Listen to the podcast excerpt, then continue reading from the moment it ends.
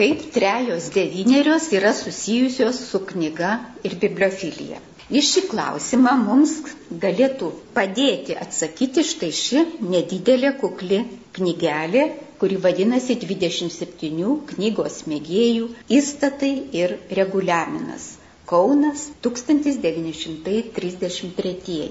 Ši knygutė yra vienas iš būsimo knygos muziejaus eksponatų.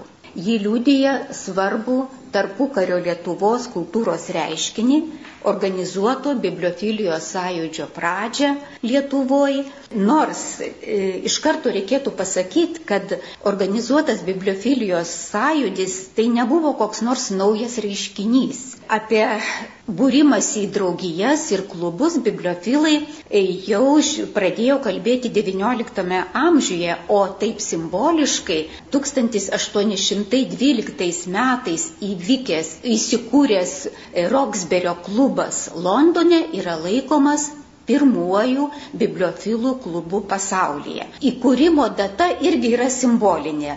Būtent 812 metais Londone vyko aukcionas, kuriame buvo išpardavinėjama garsaus bibliofilo Džono Kerio biblioteka. Jis buvo vadinamas Roksberio kunigaikščių. Roksberis tai yra vietovė Anglijoje. Aukcionas vyko ilgai, e, porą mėnesių tęsiasi ir ypatingai buvo ilgai kovojama rungtiniaujama dėl vienos knygos - Inkunabulo, būtent Bokačio dekamerono. Susirungė du garsus bibliofilai - Seras Spenceris, Lordas Spenceris ir Markizas Blendfordas. Ir štai pastarasis sugebėjo nupirkti dekameroną už daugiau kaip 2000 svarų sterlingų. Tam laikui tai buvo pasakiškai didelė suma. Po to, tarp kitko, kai buvo jo paties biblioteka išpardavinėjama, ta knyga nuvertėjo keliasdešimt kartų, gana pigiai parduota. Bet aukcionas suvienijo ten dalyvavusius. Visi nutarė nueiti pavalgyti pietų, aplinka buvo labai draugiška ir kodėl ne, nutarė susitikti ir po metų. Tokiu būdu gimė Roksberio klubas, kuris egzistuoja ir iki mūsų dienų. Jo požymiai tai yra elitinis klubas, kuriame yra fiksuota, fiksuota narystė. Narių turi būti nedaug. Roksberio klube yra 40, e, kitur dar, bet tai yra nedaug pačių narių. Ir tokių klubų pagrindinis tikslas yra bibliofilinių leidinių leidyba savomis lėšomis. Roksberio klubo idėja iš karto išpopuliarino kitų šalių bibliofilai. 820-aisiais toks klubas įsikūrė Prancūzijoje, po to Junktinėse Amerikos valstijose tokie garsus ir iki šiol egzistuojantis klubai kaip Grolie klubas New York'e arba Bostono bibliofilų klubas. Tokie klubai 20-ojo amžiaus pradžioje veikė ir Peterburgė, ir Maskvoje. Tarp kitko, 1926-aisiais jau bibliofilų klubas buvo įkurtas ir Vilniuje, jam dobavo Vilniaus universiteto bibliotekos direktorius Rygeris. Taigi Kaune 1930 metais įkurta draugija 27 knygos mėgėjai nebuvo naujas dalykas. Trečiasis dešimtmetis Lietuvos knygų leidyboje pasižymėjo sparta, bet knygos, reikia iš karto pasakyti, nebuvo deramo meninio apipavydalinimo. Todėl šitą dalyką supratę Lietuvos inteligentai pradėjo galvoti, kad pats laikas kažką daryti. Iniciatyvos e, autoriumi yra laikomas Vytautas Steponaitis. Plataus e, humanitarinio išsilavinimo žmogus, žurnalistas, knygos istorikas, bibliografas ir karininkas. Lietuvos karininkijos vaidmuo ugdant knygos kultūrą, iš karto reikia pasakyti, kad yra labai didelis. Tuo metu Vytautas Steponaitis tarnavo Lietuvos kariuomenės generalinėme štabe, buvo spaudos ir švietimo skyriaus vedėjas ir jo sumanimas, kad reikia kažką daryti, jis aktyviai laiškai susi, susirašinėjo su Marija Urpšienė, tai yra Juozo Urpšio žmona, diplomato Juozo Urpšio. Jie tada gyveno Paryžiuje, Urpšienė labai aktyviai laiškuose, o taip pat po to ir straipsniais kultūrinėje periodikoje Kaune leidžiamoje aptarinėjo prancūzų bibliofilų patirtį. Ir štai 1930 m. pabaigoje Vytautas Steponaitis užėjo pas Paulių Galaunę, jie tuo metu gyveno tam pačiame name, kaip vėliau prisiminimuose rašė pats Paulius Galaunė. Jis tik tai iš matymo matė gražų, gražią uniformą pasipuošusi, tada jau pulkininką leitenantą Vytautą Steponaitį, bet užėjo su labai konkrečiu pasiūlymu. Reikia kurti bibliofilų klubą, kuris rūpintųsi ugdyti knygos kultūrą Lietuvoje. Tai štai Steponaitis, Galaunė ir Viktoras Simkauskas, irgi bibliofilas, ypatingai ekslibrisų mėgėjas ir kolekcininkas turėjo puikiai ekslibrisų Librisų kolekciją savo asmeninėje bibliotekoje. Jie tryse parengė įstatų projektą, apsvarstė spalio mėnesį, pasikvietė dar kitus knygos bičiulius, jų tarpe buvo ir garsusis vaižgantas, ir gruodžio mėnesį įstatai jau buvo gruodžio 17 įregistruoti Kauno notaro ir 1931 sausio 27 įvyko steigiamasis draugijos suvažiavimas. Draugija pasivadino 27 knygos mėgėjai. Dabar kodėl 27? Apie tai savo prisiminimuose rašė buvę knygos bičiuliai. Tas skaičių pasirinkimas, aišku, yra simbolinis. 3 ir 9 šitų skaičių sandrauga yra 27. Taip vadinosi ir populiari lietuviška trauktinė - trejos devynerios. Šitaip šmaikštaudamas klubą ir nutarė, pava, pasiūlė pavadinti Vytautą Steponai. Simboliniai skaičiai 3 ir 9 veiklai teikė tam tikros žaismės. Šių skaičių sandrauga, sandauga reiškia ribą, kiek gali būti narių fiksuota riba, kiek gali būti narių šitoje draugijoje. Pagal analogiją su kitais kitomis e, bibliofilų draugijomis užsienyje. Kadencijos trukdavo trejata metų, Veiklos sukaktis buvo minėta ne e, įprastai, pavyzdžiui, po 10 metų, po 25 buvo minima po 9 metų, reiškia 3 ir 9 labai svarbus. Skaičiumi 27 baigėsi draugijos registracijos ir sąskaitos banke numeris, štai draugijos knygutė Lietuvos kredito banke. Įstatai turėjo 27 punktus, 27 straipsnius, susirinkimai vykdavo tik 27 mėnesio dieną. Žodžiu, tos simbolinės žaismės draugijos veikloje buvo. Kita vertus, šitie dalykai netrukdė draugijai būti rimtai. Kaip rašė vėliau savo prisiminimuose Petras Jakštas, vienas iš draugijos narių, tai rimtumui nekenkė, nors aišku, kai kas sakydavo, kad kodėl jie įsikibo to vieno skaičiaus ir kartais ir periodikoje pasirodydavo tokių truputį pašaipių atsiliepimų apie tą vieną skaičių ir jo reikšmę draugijos veikloje.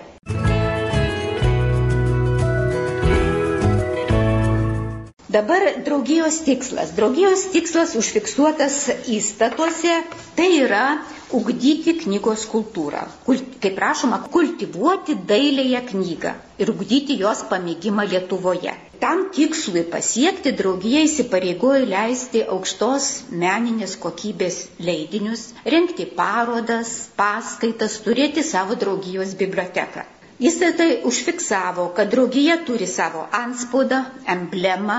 Draugijos narių negali būti daugiau kaip 27, bet jais gali būti kiekvienas Lietuvos Respublikos pilietis, mėgstas dailėje knygą ir pasiryžęs laikytis draugijos įstatų.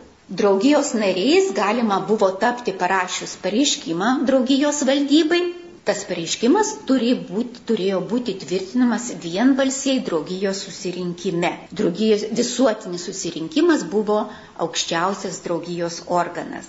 O tarp susirinkimų draugijos veiklą tvarkė e, valdyba renkama iš penketo narių ir revizijos komisija iš trejų narių. 31 sausio 27 buvo išrinkta draugijos valdyba ir revizijos komisija, o šiaip jau Iš karto reikia pasakyti, kad draugijos nariai buvo įvairių profesijų žmonės. Aktyviai e, draugijai atstovavo, draugijai atstovavo, jau minėjau, karininkai, tai pulkininkas leitenantas Vytautas Steponaitis, pulkininkas leitenantas Juozas Balčiūnas, majoras Petras Jakštas, e, Lietuvos diplomatijos korpuso atstovai, dabar sakytume ambasadorius, Kazis Bizauskas, buvęs ambasadorius Didžiojoje Britanijoje, Latvijoje, įgaliotasis pasiuntinys Vilniaus krašte nuo 39 metų, taip pat Eduardas Turauskas, ambasadoriai už užsienyje. Tai yra, draugija turėjo narių, kurie rezidavo užsienyje, vadinasi, aktyviai draugijos susirinkimuose negalėdavo dalyvauti, bet kai tik būdavo Kaunės, dalyvaudavo ir susirinkimuose. Būtent Jurgis Šaulis Berlyne, Jurgis Savickis Stokholme, Petras Klimas Paryžiuje. Visi draugijos nariai, visus juos vienijo vienas požymis, visi jie buvo bibliofilai. Bibliofilijos samprata irgi nebuvo vienalytė, tarkim, vienai bibliofiliją suprato ir ją traktavo Vaižgantas, kuris buvo knygų mylėtojas ir skaitytojas visų pirma, o visus kolekcininkus bibliofilus vaidino ištaikingais pramogieriais, bet nežiūrint to, draugijos kitų narių jis buvo be galo mylimas ir gerbiamas, jam buvo dedikuotas, paskirtas ir pirmasis jų draugijos metraščio tomas. Visi turėjo savo asmeninės bibliotekas. Kaip prieš priešą, sakytum, antipodas vaižgantiškai bibliofilijos sampratai buvo Vladas Daumantas, bibliofilas par excellence, surinkęs labai prabangių bibliofilinių leidinių kolekciją, jau tuomet garsėjosi Kaune. Ir jo biblioteka buvo aplankyta specialiai viena iš pirmųjų bibliotek, e, draugijos narių. Pirmajai kadencijai valdybai vadovavo Vytautas Steponaitis, kaip minėjau, o antrojoje kadencijoje, tai yra nuo 34 iki 36 valdybos pirmininku buvo išrinktas minėtas Kazis Bizauskas. Trečiajai kadencijai vadovavo Juozas Balčiūnas, žinom, kaip karininkas, pulkininkas leitenantas, bet taip pat žinomas ir kaip rašytojas. Tik tai kaip rašytojas jis pasirašinėdavo savo švaisto slapyvardžių. Jis pirmininkavo iki 39 metų, o 40 metais valdybos pirmininku vėl buvo išrinktas Steponaitis dėja ši kadencija buvo nutraukta 40-ųjų sovietų okupacijos praktiškai tik tai pusmetį. Draugija ir te gyvavo. Draugijos nariai turėdavo mokėti nario mokestį. Nario mokesčio pagrindas, jo tikslas ir buvo nes draugijos tikslas buvo leisti aukšto, aukšto meninio lygio knygas. Nario mokestis iš karto reikia pasakyti buvo gana solidus. Stojamasis mokestis buvo šimtas litų Metinis mokestis, tai yra kiekvieną mėnesį mokant po 10 litų, tai metinis mokestis susidaro 120. Po kelių metų, 34-aisiais, buvo nutarta vis dėlto metinį mokestį mažinti ir jis buvo sumažintas iki 60 litų, vadinasi, kas mėnesį mokėti po, po, tik tai po 5 litus. Tokiu būdu susidarydavo ne taip jau mažos sumos ir e, draugija galėdavo leisti savo leidinius. Kita vertus, dideli tai pinigai ar nedideli, mes galim spręsti tik tai palyginę to meto atlyginimus ir, ir perkamąją lito galę. Tai štai, kad būtų įdomiau, aš galiu palyginti. Kai 37 metais leid, biblio, e, draugija leido savo leidinį Gulbė karaliaus pati iliustruota Viktoro Petravičiaus. Tai dailininkas Petravičius paprašė honoraro. Honoraras buvo nei daugiau, nei mažiau tūkstantis litų sumokėtas Petravičiui. Mečislovas Bulaka už tais pačiais metais išleista Biliūno, jo, jo iliustruota Biliūno apysaka Liūdna pasaka paprašė 1800 litų. Mums atrodo labai dideli pinigai, bet prisiminkime, kokie būdavo atlyginimai. Tarkim, valstybės tarnautojai, kurių buvo net 18 kategorijų, jų atlyginamai būdavo nuo 250 iki 1200 litų per mėnesį. Ministro alga 2000 litų, o kai kurių advokatų ir gydytojų atlyginimai siekdavo ir 5000 litų, nors prezidento alga be įvairių priedų ir panašiai buvo 4000 litų. Žodžiu, tas e, stojamasis ir metinis 120 litų netrodo tada toks labai didelis. Kita vertus, maistas mūsų akinimis žiūrint buvo nepaprastai pigus. Tarkim, kilogramas keulienos 37 metais kainavo litą 40, litras pieno 15 centų, kilogramas juodos rūginės e, duonos 25 centus, kilogramas bulvių tik 4 centai. E, žodžiu, matom, kad valstybės tarnautojai ir apskritai inteligentija gyveno gana pasiturinčiai, bet, tarkim, valstiečiai vertėsi labai sunkiai, nes karvė, tarkim, kainavo 100-150 litrų. Tokia buvo realybė. Žodžiu, tas didelis kabutėse draugijos mokestis buvo gana saliginis, žiūrint mūsų um, akimis. Draugija savo būstinės tokios kaip po tokios neturėjo ir draugijos susirinkimai vykdavo kiekvieną kartą vis kitoje vietoje. Dažniausiai buvo renkamisi restorane, tarkim, ypatingai buvo mėgiamas Metropolis, nu, vienas iš tokių prabangesnių Kauno e, restoranų, Lietuvos viešbučio restorano salėje, buvo renkamasi draugijos narių e, darbo kabinetuose, tarkim, pas Kazį Bizauską užsienio ministerijoje arba pas Paulių Galaunę Čiurlionio galerijoje. O dažniausiai tai vykdavo susirinkimai narių namuose. Susirinkimų dienotvarkė būdavo iš anksto pranešama draugija turėjo tokią specialiai atsispausdinusi savo korteles, kur draugijos sekretorius, o juo kelias kadencijas buvo Viktoras Cimkauskas, parašydavo, kokas tą dieną buvo nutartas susirinkime daryti. Paprastai pirmas klausimas būdavo, rimtasis vadinamas, tai yra buvo rengiamas koks nors pranešimas knygos istorijos, knygos meno klausimais, Tarkim, turiu kortelę su 34 metais, balandžio 27 dieną vykusio susirinkimo dienotvarkė ir pirmų klausimų e, Strasdas, Strasdo pranešimas atsiminimai apie Juozapo Zavatskio knygyną, o antrasis yra einamieji reikalai. Arba štai kita kortelė, Tai yra 38 metais, kovo 27 dieną, vyko susirinkimas pirmojų klausimų. Vytautas Kazimieras Joninas kalbės apie pas, pasaulio graviūrų kongresą Paryžiuje 37-aisiais. O antrai, antrasis klausimas - draugijos naujas leidinys sąryšyje su pasaulinė paroda New York'e 39 metais. Čia matome dvi korteles su skirtinga emblema. Pirmoji, va štai šita, e, draugijos emblema buvo sukir, sukurta Dobužinskio, buvo pas, paskelbtas konkursas, bet konkurso rezultatai draugijos nariams vis neįtiko. Apsistota prieš Dobušinskio emblemos, bet ir ji, kaip buvo sakoma, buvo pernelik tradiciška. Tada Vytautui Joninui, dar jaunam, dar studentui, Vytautui e, Kazimierui Joninui buvo pasiūlytas jam asmeniškai sukurti emblemą, štai šitą, ir prie šitos emblemos buvo apsistota kaip prie modernesnio stiliaus emblemos. Buvo, turėjo ir specialius vokus su šitą emblemą.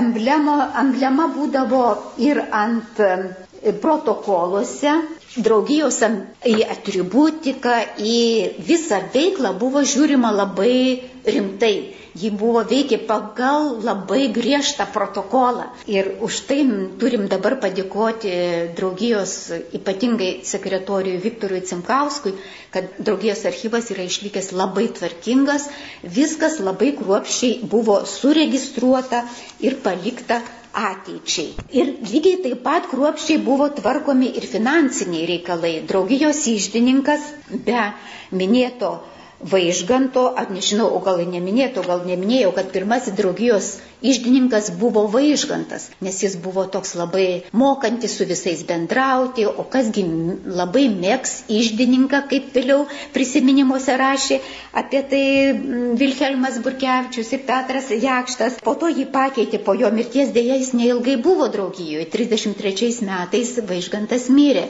Tai jį pakeitė Juozas Balčiūnas, Turauskas, discuss ir dažnai, tiesa buvo išdininkų ir minėtas Vilkiamas Burkevičius, bet labai taip dažnai atsitikdavo, kad jie dėl savo darbo pobūdžio vis turėdavo išvykti. Turauskas 34 metais išrinktas išdininku buvo priverstas išvykti ambasadoriumi, paskirtas Lietuvos Respublikos ambasadoriui tuo metėje Čekoslovakijoje.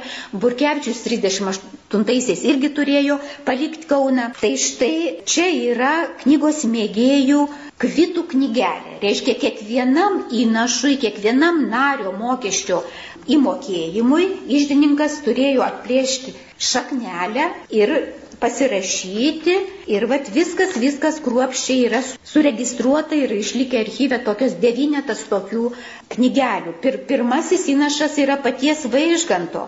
Jis įmokėjo 160 litų Tai yra šimtas stojamojo nario mokesčio ir dar už šešetą mėnesių po 10 litų. Draugija iš specialiai užsakydavo spindulio spaustuviai ir išsispausdindavo ne tik vokus, kvietimus, protokolinį popierių, bet taip pat kvietimus ir į savo renginius. 33 metais, sausio 27 dieną, įvyko draugijos parengta paroda ir štai parodai buvo išspausdintas specialus kvietimas. Gerbiamasis, 27 knygos mėgėjai turi garbės kviesti tamstą atsilankyti į sausio 27 dieną į dailiosios lietuvių knygos parodos atidarimą Čiurlionės galerijoje. O minėtam devynerių metų jubiliejui, sukakčiai, štai 31-40-ieji, 41 sausio 27 buvo išspausdintas irgi specialus kvietimas į, į tą renginį, į, į jubiliejinę sus, jubiliejinį susirinkimą, kuris vyko Marijos Urpšienės būte Donelaičio 32 ir parašyta dienotvarkė. Tai yra pirmas susirinkimo atidarimas, antras valdybos pranešimas, trečias klausimas revizijos komisijos pranešimas ir ketvirtas valdybos revizijos komisijos rinkimai, o penktas busimieji sumanimai. Deja, sumanimam istorija neleido būti gyvendintiems. Čia yra antrosios kadencijos valdybos nuotrauka, centre sėdi Kazis Bizauskas, jam iš dešinės nepamainomasis sekretorius Viktoras Simkauskas, iš kairės nepamainomasis spiritus Movens, nors ir ne, Vytautas Steponaitis, nors ir nebūdamas Ne visose kadencijose jis buvo ir valdyboje, ir, ir dviem kadencijom pirmininkavo, bet buvo nepaprastai mėgiamas ir iš tikrųjų buvo ta tikroji draugijos dvasia, o stovi e, Paulius Galaunė ir Juozas Balčiūnas. Papasakosiu, kas dar buvo svarstoma susirinkimuose. Jau minėjau, tai yra knygos istorijos, knygos meno dalykai. Ypatingai e, sa, savo prisiminimuose, e, kaip rašo Petras Jakštas, kad ypatingai įdomus pranešimai būdavo Vaclovo Biržiškos ir paties Pauliaus Galaunės. Tai aišku, temos aiškios, apie ką kalbėjo Biržiška. Apie lietuviškus slapyvardžius, senąją lietuvišką periodiką. Bet tarkim, įdomiai kalbėjo Antanas Rucevičius apie Švitorio knygų leidybos bendrovę. Pats Balčiūnas apie e, Skoriną, Pranciškų Skoriną pranešimą rengė, apie Zavatskio spaustuvę.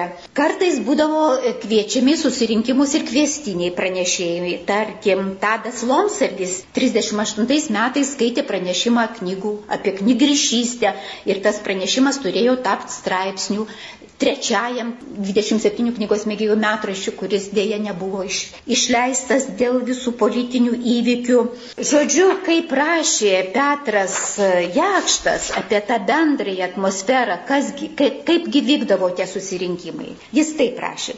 Nors draugijos nariai buvo įvairių politinių ir ideologinių pažiūrų, bendraujant ar sprendžiant draugijos reikalus, niekad jokių ginčių ar nesutarimų nekildavo. Tai buvo vieningas ir kultūringas būringas kolektyvas. Visi susirinkimai prasidėdavo apie 19 val. o baigdavosi apie 23. Tačiau retkarčiais pasitaikydavo, kad išsiskirstydavom ir po vidurnakčio. Taip atsitikdavo, kai susirinkimas vykdavo svetingų narių šeimose. Kanauninkas Juozas Tumas niekad nelaukdavo vakarienės pabaigos. Sparčiai pavalgydavo, gėrimų neragaudavo, staiga pakildavo iš užstalės, pribėgdavo prie sėdinčio šeimininko nugaros, pabučiuodavo į pakaušį ir kaip meteoras dingdavo. Kartais net nepastebėdavom, kad jo nėra. Tarp kitko, kitoj vietoje Petras Jakštas įdomiai prisimena, kad nuo tokios prašmatniausios vakarienės po tų susirinkimų tai būdavo pas urpšius, o jau kukliausios tai būdavo pas vaižgantą, nes jis sakydavo, panė, juk aš esu blaivybės draugijos pirmininkas. Ir taip pat pas patį jakštą, jis tada dar buvo nevedęs, gyveno kukliai, nuomavusi būtą ir jam tekdavo prašyti tiesiog būto savininkės, kad ji parengtų kuklę vakarienę. Jis buvo davęs įžadą negerti vyno tol, kol Vilnius nebus atgautas kaip Lietuvos sostinė. Ir jam pavyko šį įžadą įvykdyti, nes 40 metų vasario 27 dieną buvo suorganizuota ekskursija į Vilnių. Tuomet, kaip minėjau, Kazis Bizauskas buvo ministro pirmininko pavaduotojas, įgaliotasis vyriausybės atstovas Vilniuje, rezidavo dabartiniuose prezidento rūmose, ten ir gyveno. Taigi, ta įsimintina kelionė yra aprašyta jo prisiminimuose ir Jakštas apie ją, apie tą vasar, 40-ųjų vasario 27-osios vakarienę rašė taip. Po susirinkimo visus dalyvius ponai Bizauskai pakvietė vakarieniai. Nors kelis kartus keitėsi sakytų rūmų šeimininkai, tačiau baldai, valgomojo servizai nuostabiu būdu išliko tie patys. Lėkštės dar tebe buvo su rusų caro Nikolajaus benzeliais, tai yra ženklais. Dar tebe buvo senieji sidabriniai šaukštai, peiliai, šakutės. Per šią vakarienę aš pirmą kartą gyvenime išgėriau visą taurę prancūziško geltono vyno, nes pirmą jokaudamas sakydavau, kad vyną gersiu tik Vilniuje pažadą ištesėjau.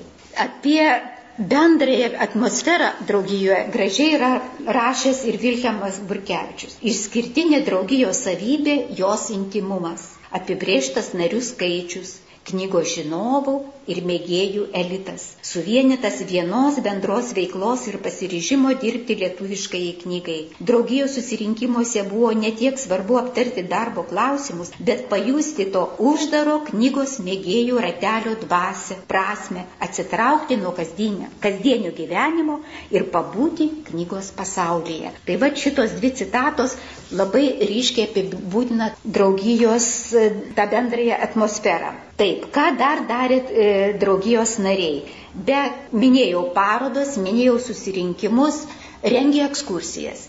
Ekskursijas rengė ten, kas buvo į tas vietas, kurios buvo susijusios natūralu su knyga.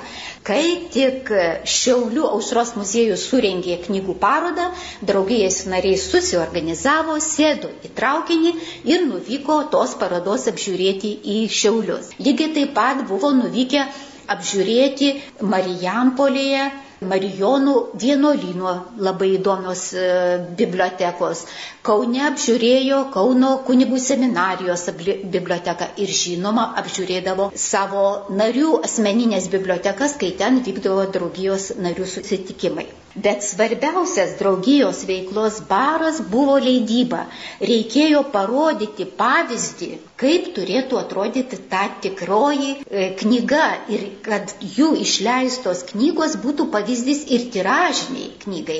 Ir iš karto reikia pasakyti, kad jiems pasisekė tą padaryti. Ketvirtasis dešimtmetis jau ir kitų leidėjų, kitų leidyklų ypač po 37 metų Paryžiaus pasaulinės parodos, kurioje draugija buvo apdovanota už dvi gražiai išleistas knygas, ne tik patys knygų dailininkai, draugija gavo Grand Prix, pagaliau ir spaustuvininkai, o spaustuvininko gretas draugijos, draugija atstovavo ir Antanas Rucevičius, spaustuvės, spindulio spaustuvės vedėjas ir spaustuvės vienos skyriaus vedėjas Strasdas. Žodžiu, jie pradėda, pradėjo ir kitoms spaustuvėms tiesiog pasiūlyti geresnį popierių, konsultuoti tais knygos uh, gražios knygos, gerai apipavydalintos knygos klausimais. Iš viso draugija išleido dešimt leidinių, aštuonias knygas ir du lakštinius spaudinius.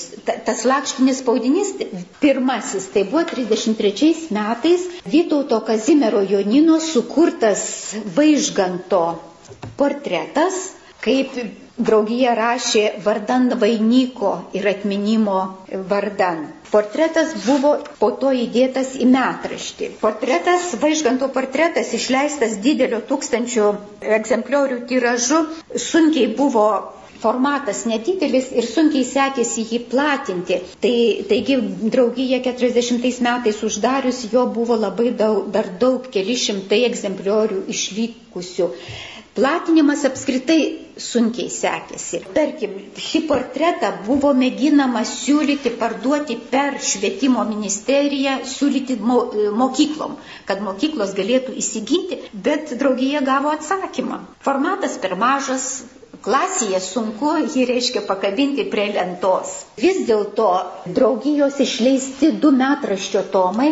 Pirmasis 33 metraštis ir 37-aisiais, tai yra pats vienas iš svariausių draugijos leidinių. Dabar praėjus vos ne šimtmečiui po šių leidinių pasirodymo, mes juos tikrai drąsiai galėtume jau įvardyti kaip knygotyros mokslo darbų pirmtakus. Tai, ką, kas dabar Lietuvoje leidžiama kaip knygotyros mokslo žurnalas knygotyra, Tai va šitie du tomai davė pradžią tokiai, tokiai moksliniai literatūrai. Ir reikia pabrėžti, tą darė saviveiklinių būdų, nu buvo ir profesionalų, tarkim, Vaclovas Biržiška čia arba Mikolas Biržiška rašė savo ir skelbė savo straipsnius, bet visa leidyba vyko saviveik, tai yra e, saviveiklinė, bet pagal rezultatą tikrai ji buvo profesionalų leidyba.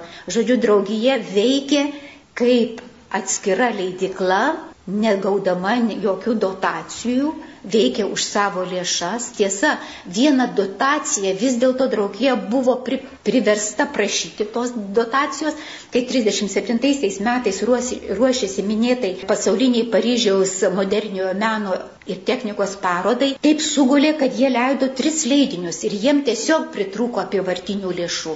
Tada jau buvo specialus komitetas parodai ruoštis užsienio reikalų ministerijoje suburtas ir draugija kreipėsi į komitetą ir gavo tūkstančio litų dotaciją. Žodžiu, 27 e, knygos mėgėjų metraštis yra paminklas jos nariam ir visai draugijos veiklai. Kita vertus, tai šitie visi leidiniai, tai yra bibliofilinių leidinių leidybos etalonas. Jie buvo leidžiami ir masiniai, kaip tiražiniai leidiniai, bet tuo pačiu tam tikras skaičius šių leidinių buvo leidžiami specialiame pagerintame popierėje, taip vadinamame dažniausiai iš, iš Vokietijos atsisiūsdindavo to popieriaus, japoniškas popierius. Ir štai visi leidiniai turi tokį įrašą. Tarkim, metraščio pirmame tome įrašyta, išspausdinta 312 egzempliorių, kurių pirmas ir 27 knygos mėgėjams. 28-29 bibliotekai, draugijos bibliotekai, o romėniškai skaitmenimis pažymėti, o arabiškais pirmas 271 parduoti. 12 egzempliorių nenumeruotas. Va štai šitas egzempliorius yra pažymėtas 158 numeriu arabiškais skaitmenimis, vadinasi, jis buvo skirtas parduoti. 35 metais draugija išleido irgi tris leidinius. Štai vienas iš jų tai yra Vaclovio Biržiskos bibliografija. Nedidelio formato knygutė buvo sumanyta pagerbti Vaclavo Biržiškos 50-metį, kuris buvo 34 metais. Reiškia, tais metais nepasisekė to padaryti. Tokį sumanimą pasiūlė irgi Vytautas Steponaitis, tai nėra originali knygutė turinio prasme. Biržiškos bibliografija taip pat, kaip Biržiškos bibliofilija ir biblioteka, tai yra profesoriaus Biržiškos parašyti straipsniai visuotiniai lietuvių enciklopedijai. Analitiniai straipsniai gerai parengti, nepraradę savo mokslinės vertės ir iki mūsų dienų, jie buvo tiesiog perspausdinti, turėjo būti perspausdintos trys knygutės, perspausdintos tik tai dvi - bibliografija ir biblioteka. Pati svarbiausia bibliofilija nebuvo perspausdinta. Labai gaila, bet taip. Tada 35 metais vaižgantui skirta, čia neturiu parodyti šito leidinio, išėjo vaižganto, vaižganto pragėdrulių fragmentai, pavadinti Milžinų dvasios, parengta Balčiūno su e, Antano Kučio iliustracijomis. Ir, kaip minėjau, 37-aisiais vienas svarbiausių, gražiausių jų leidinių Viktoro Petravičiaus iliustruota liaudės pasaka Gulbė karaliaus pati specialiai renkta Paryžiaus parodai ir laimėjusi Grand Prix, išgarsinusi ir draugiją, ir buvusi pagrindas startas Viktoro Petravičiaus kaip dailininko grafiko karjerai, jo tolimesniems darbams. Ir kaip minėjau, ten e, e, aukso medalį 37 metų Paryžiaus parodoje laimėjo ir Mečislovo Bulakos iliustruota Biliūno liūdna pasaka.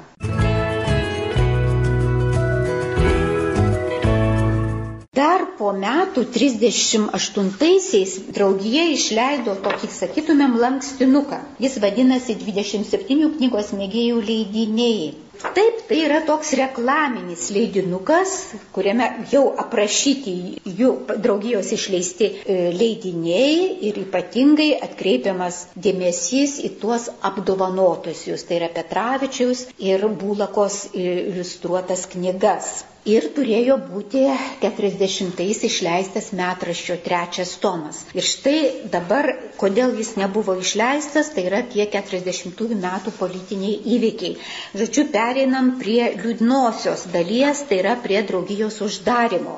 40 va tas vasario mėnesio 27 dienos cituotas um, susirinkimas įvykęs, įvykęs Vilniuje, draugijos narius irgi padalino, dalis jau persikėlė ir dirbo čia Vilniuje, Biržiška jau pradėjo vadovauti be Kauno universiteto bibliotekos, jis jau tapo ir Vilniaus universiteto bibliotekos direktorium. Steponaitis stengiasi nirtingai toliau komplektuoti medžiagą trečiajam tomui, buvo užsakytas popierius, prašė parašyti straipsnį apie Vrublevskių biblioteką, kreipėsi į čia dirbusią Burokienę, bet paskutinis susirinkimas, į kurį dar susirinko na, sakyčiau, pats pagrindas aktyviųjų draugijos narių įvyko 40 metų gegužės 27 dieną Kaune. Jame dalyvavo visi pasirašę savo parašai Surpšienė, Jakštas, Balčiūnas, Steponaitis, Galaunė, Cimkauskas, Rucevičius, Turauskas, Borkevičius, Strasdas ir Bizauskas.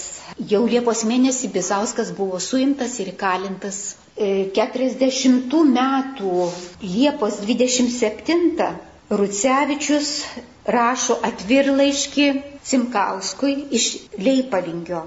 Atvirlaiškis labai įdomiai įvardytas. Vadinasi, mielam draugui, advokatui Viktorui Cimkauskui. Adresas Kaunas, Gedimino ir Duonelaičių gatvių kertė.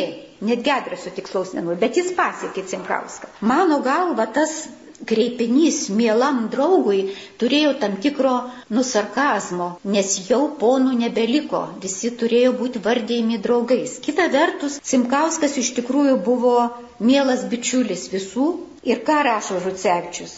Sveikinimas 27 knygos mėgėjų iš Leipalingio. Linkiu draugijai ištvermės ir gyven, sunkiomis gyvenimo dienomis. Arucevičius Liepos 27. Žodžiu, tą mėnesio 27 dieną, jeigu kuris nors draugijos narys ne, nebūdavo Lietuvoje ar Kaune, jie stengdavosi kažkokiu ženklu parodyti, kad tą dieną prisimena. Ir dar Liepa rašo šitą. Taip netgi tais geraisiais laikais, kai, tarkim, Steponaitis būna kur nors komandiruoti į Talinę, rašo, tok, rašo tokį laiškelį, arba atsitiktinai gal susitinka trys Paryžiuje, jie visi parašo laiškelį, atvirlaiškis kauniškiams. Žodžiu, tokia labai gražios bičiulystės ženklai yra. Bet draugija jau artėja prie uždarimo.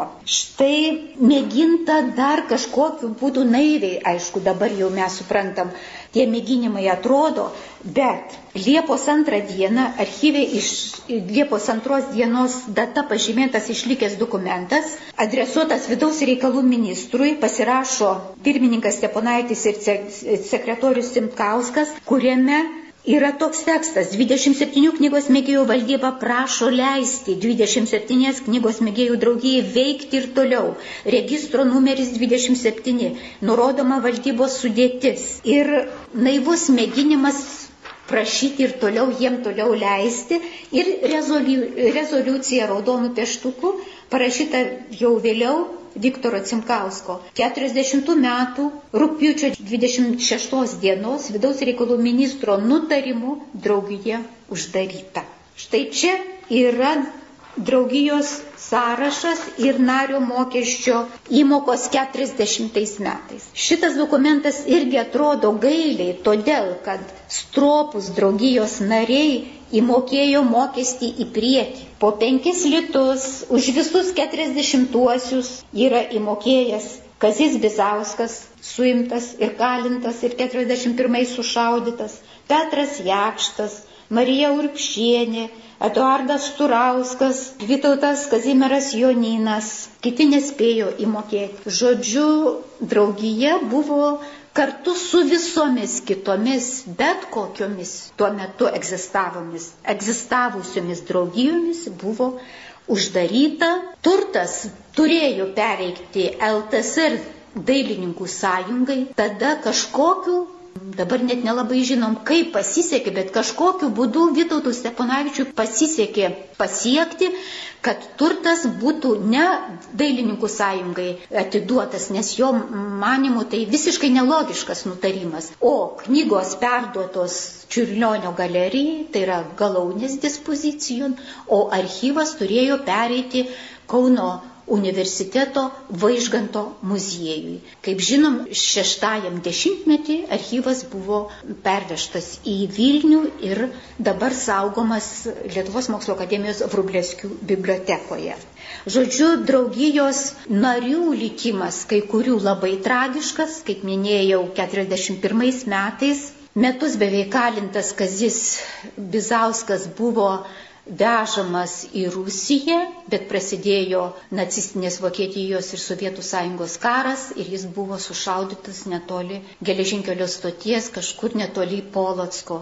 Lygiai taip pat buvo sušaudytas kitas draugijos narys Leopoldas Bagdonas. Viktoras Simkauskas e, pateko į Kauno getą 44 metais geto žmonės buvo varomi darbams į miestą ir taip pavyko jam Cimkauskui dar pasimatyti su e, Paulium Galaunė ir jis prašė labai, kad Galaunė išgelbėtų jo asmeninę biblioteką. Deja, pats Steponaitis labai stengiasi kažkaip išgelbėti patį Cimkauską. Nepavyko, nors Steponaitis savo šeimoje išgelbėjo keturis žydų vaikus, slėpė juos ir išgelbėjo. Cimkauskui labai rūpėjo jo ekslibisų rinkinys. Ir tiesa, pats galaunė kažkaip irgi jam pasisekė iš pradžių, kaip jis pats pasakoja, šitie jo prisiminimai yra užrašyti Vlado Žuko ir publikuoti, kad jam pasisekė vis dėlto Cimkausko, iš Cimkausko būto paimti ir sudėti į dvi tačkas, vadinasi, du karučius, ne, ne taip jau mažai, pačių vertingiausių knygų ir tuos ekslibrisų rinkinius ir pervežti į muzie, Čiurlionio muziejų. Deja, kažkas matyt pamatė, paskundė ir vokiečių kareiviai iš karto prisistatė ir tuo tą visą turtą konfiskavo. Kad tai buvo labai vertingi dalykai, rodo ir tas dalyk, e, toks faktas, kad Rosenbergo štabas, tai yra specialus organas vertingiausiam spausdintiniam rankraštiniam paveldui nacistiniai Vokietijai išvežti. Iš Rosenbergo štabo dokumentuose yra specialus įrašas - advokato Cimkausko biblioteka, bucheriai kaip jie vadina. Ir mm, istorikas Klimaučius yra, yra domėjusi šią bylą ir jis e, yra, e, rašo, kad Cimkausko rinkiniai buvo išvežti išvežti į Vokietiją iš tikrųjų, bet kaip po to, kaip repatriacijos dalykas, sugražinta į Tarybų sąjungą po antro pasaulinio karo, bet kadangi jo rinkiniai žymėti ekslibrisais Cimkovskava, tai yra rusiškai, tai yra daug, daugiausia dar jo tėvo ir senelio žinomų šiaulių knygininkų, knygino savininkų, e, priklausiusių va, tai kultūringai žydų inteligentijai, kurie kalbėjo turbūt rusiškai ir tie ekslibirsai yra rusiškai ir tokių knygų dabar tikėtina, kad gali būti dabartiniai Baltarusijoje ir Ukrainoje, ne va kaip e, jų įžymėtų tais rusiškais ekslibrisais. E, žodžiu, Cimkauskas žuvo ne Kaune, apie tai rašo Burkevičius, jo archyve išlikė, išlikė tokie in memoriam, bet 45 metais nacijų lageryje Vokietijoje. Marija Urpšienė kartu su vyru Juozu Urpšiu irgi buvo suimta ir nuo 40 iki 54, tai 14 metų kalėjo vairiuose Rusijos lageriuose, 56 sugrįžo į Lietuvą, bet jau buvo palaužta ir 59 metais mirė. Sibirė žuvo Zigmas Rusteika, apskrities teisėjas iš Panevežio, Kiti pas, draugijos nariai pasitraukė į vakarus, dar kiti slapstėsi, tarp jų ir Petras Jakštas, ir Vytas Tautas e, Steponaitis. Žodžiu, draugijos ta baigtis tokia tragiška ir juo lab ji yra liūdna, kad tai buvo labai, nu, žodžiu, draugija buvo savo veiklos epogėjui, tai buvo kūrybingi, veiklus žmonės kurie tikrai dar daug galėjo padaryti mūsų kultūros labui. Baigdama noriu pacituoti Vladą Žuką, kuris e, e, taikliai yra apibūdinęs šios draugijos reikšmę lietuvių kultūros istorijai. Jis rašė taip. 27 knygos mėgėjų draugija daug nusipelnė lietuvių kultūros istorijai. Knygotirai, ypač knygos meno raidai. Ji propagavo dailiasias knygas, ugdė bibliofilinius polinkius, draugijos rūpeščių imtas spausdinti numeruotus egzempliorius geresnius geresnėme popieriuje. Jai priklauso knygų formato standartizavimo idėja, jos išleistos knygos ugdė visuomenės estetinį skonį, pagarbą dailėjai knygai, kėlė knygos kultūrą. Pridursiu tik, kad visą tai padarė keletas žmonių visuomeniniais pagrindais greta savo tiesioginio darbo. O visą tą padaryti įkvėpė juos meilė knygai. Pasakojo Alma Braziūnenė, Lietuvos mokslo akademijos Vrublevskio bibliotekos, Lietuvos knygos muziejaus vedėja.